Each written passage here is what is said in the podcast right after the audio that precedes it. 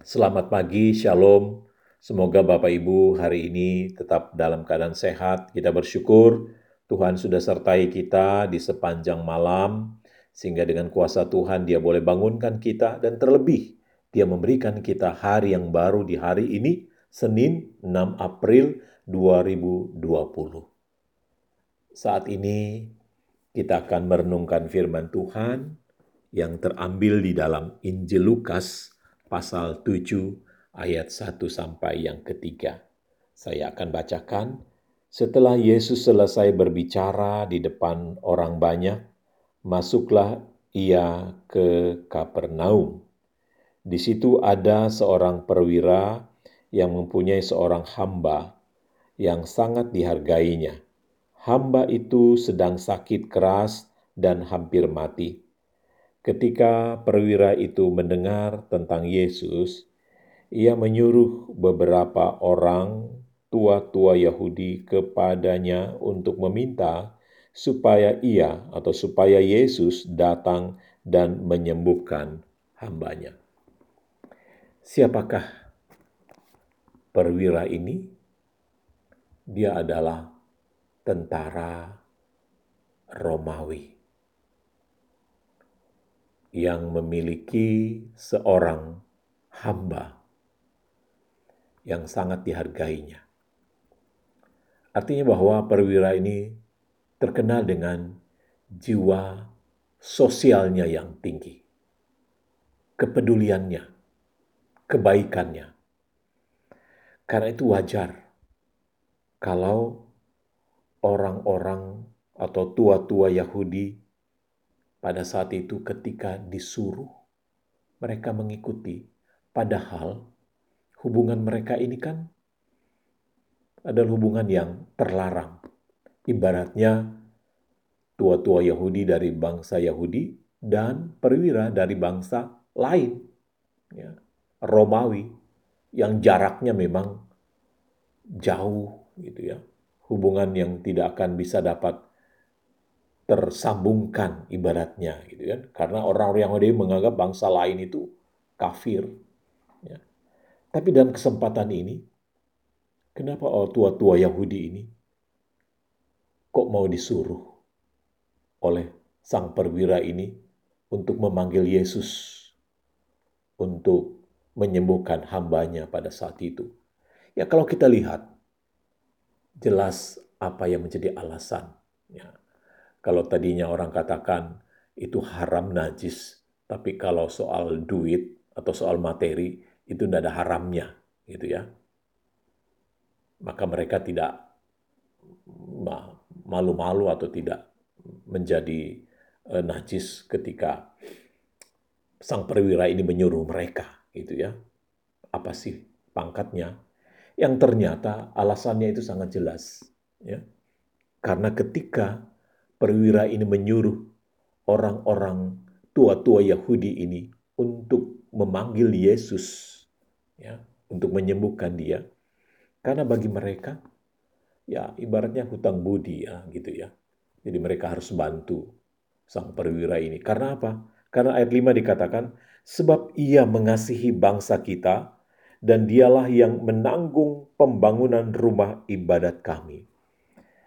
Jadi seolah-olah pemahaman orang-orang Yahudi, tua-tua Yahudi saat itu yang disuruh oleh perwira untuk berjumpa dengan Yesus, karena menurut mereka dia layak ini untuk ditolong.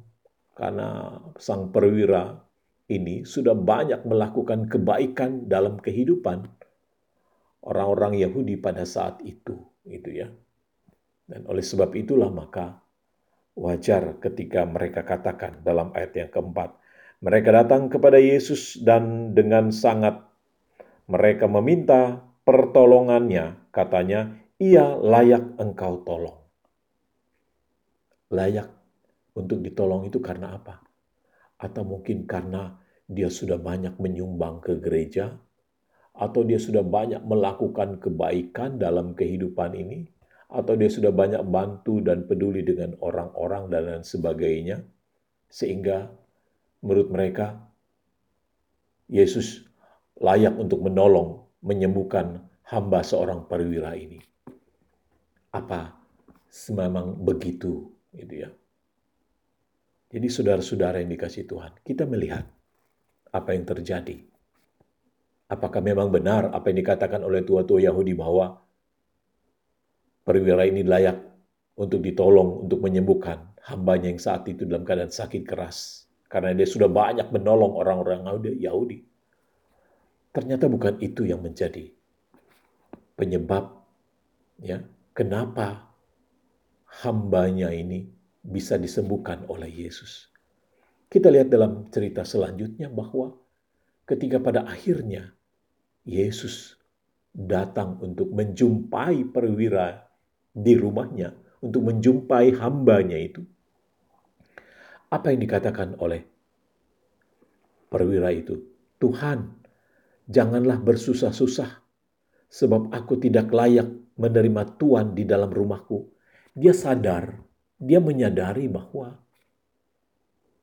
ya tradisi orang-orang Yahudi itu begitu kuat ya kalau mereka masuk ke rumah orang bangsa lain itu bagi mereka itu najis ya. Nggak boleh haram hukumnya gitu kan. Wajar kalau sang perwira ini mengatakan demikian. Tuhan Yesus engkau orang Yahudi tidak layak untuk masuk ke rumahku. Cukup di luar saja. Engkau berkata sepatah kata pun di sana di luar. Hambaku pasti akan sembuh. Luar biasa Bapak Ibu. Yesus merasa bahwa dia tidak pernah melihat iman seseorang yang demikian hebatnya. Dia katakan, Tuhan Yesus, engkau tidak perlu datang ke rumahku, masuk ke rumahku. Cukup saja di luar sana engkau mengacap, mengucap sepatah kata, hambaku ini akan sembuh. Artinya apa? Yesus menolong seorang perwira ini bukan karena dia sudah banyak melakukan yang baik, bukan karena dia sudah banyak menyumbang ke gereja. Lalu Tuhan mau menjawab doanya. Tidak. Tapi karena imannya.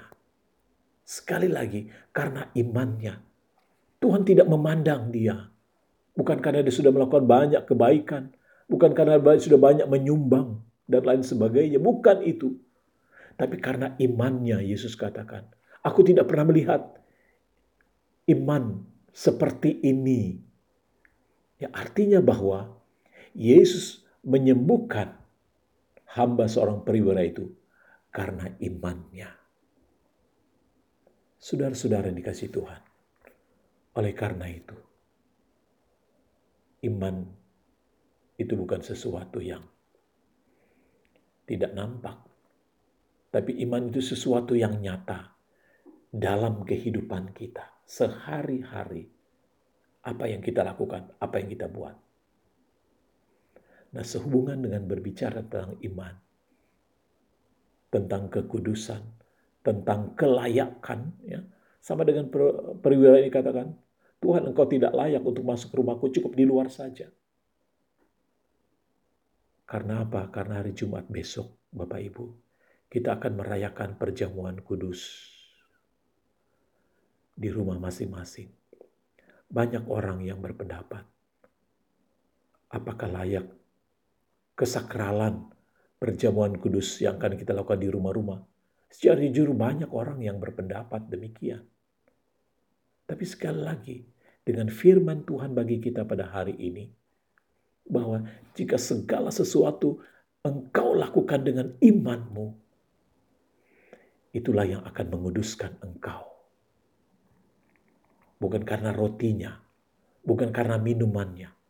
Roti dan anggur hanya sebagai lambang tubuh dan darah Kristus. Ya. Karena itu Bapak Ibu Saudara-saudara nanti di rumah siapkan roti apa pun yang bisa Bapak Ibu siapkan. Minuman apa pun yang Bapak Ibu bisa siapkan. Itu hanya lambang.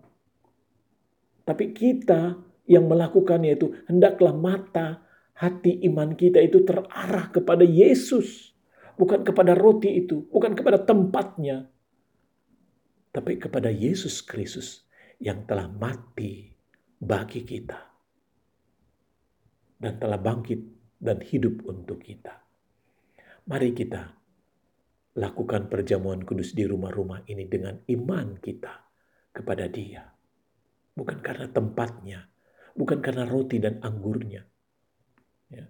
Sekali lagi, saya mau sampaikan lewat renungan kita hari ini, ya, bahwa jemaat perdana awal-awal kehidupan mereka mereka itu memecah-mecah roti dan memakan roti dan anggur itu di rumah mereka masing-masing.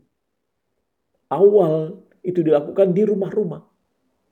Jadi jangan dianggap bahwa ketika Bapak Ibu melakukan perjamuan di rumah, nilai kesakralannya tidak ada. Jangan sampai ada pemahaman yang demikian. Maka karena itu, saya memohon kepada warga jemaat Shalom untuk memasuki perjamuan kudus di rumah-rumah hari Jumat ini. Lakukan dengan iman dan percaya. Dengan kehadiran Tuhan di rumah Bapak Ibu itulah kekudusan itu bisa dapat kita jaga dan kita bisa dapat alami. Ya semoga kita bisa dapat menjalani kehidupan kita ke depan. Kita tidak tahu corona ini sampai kapan.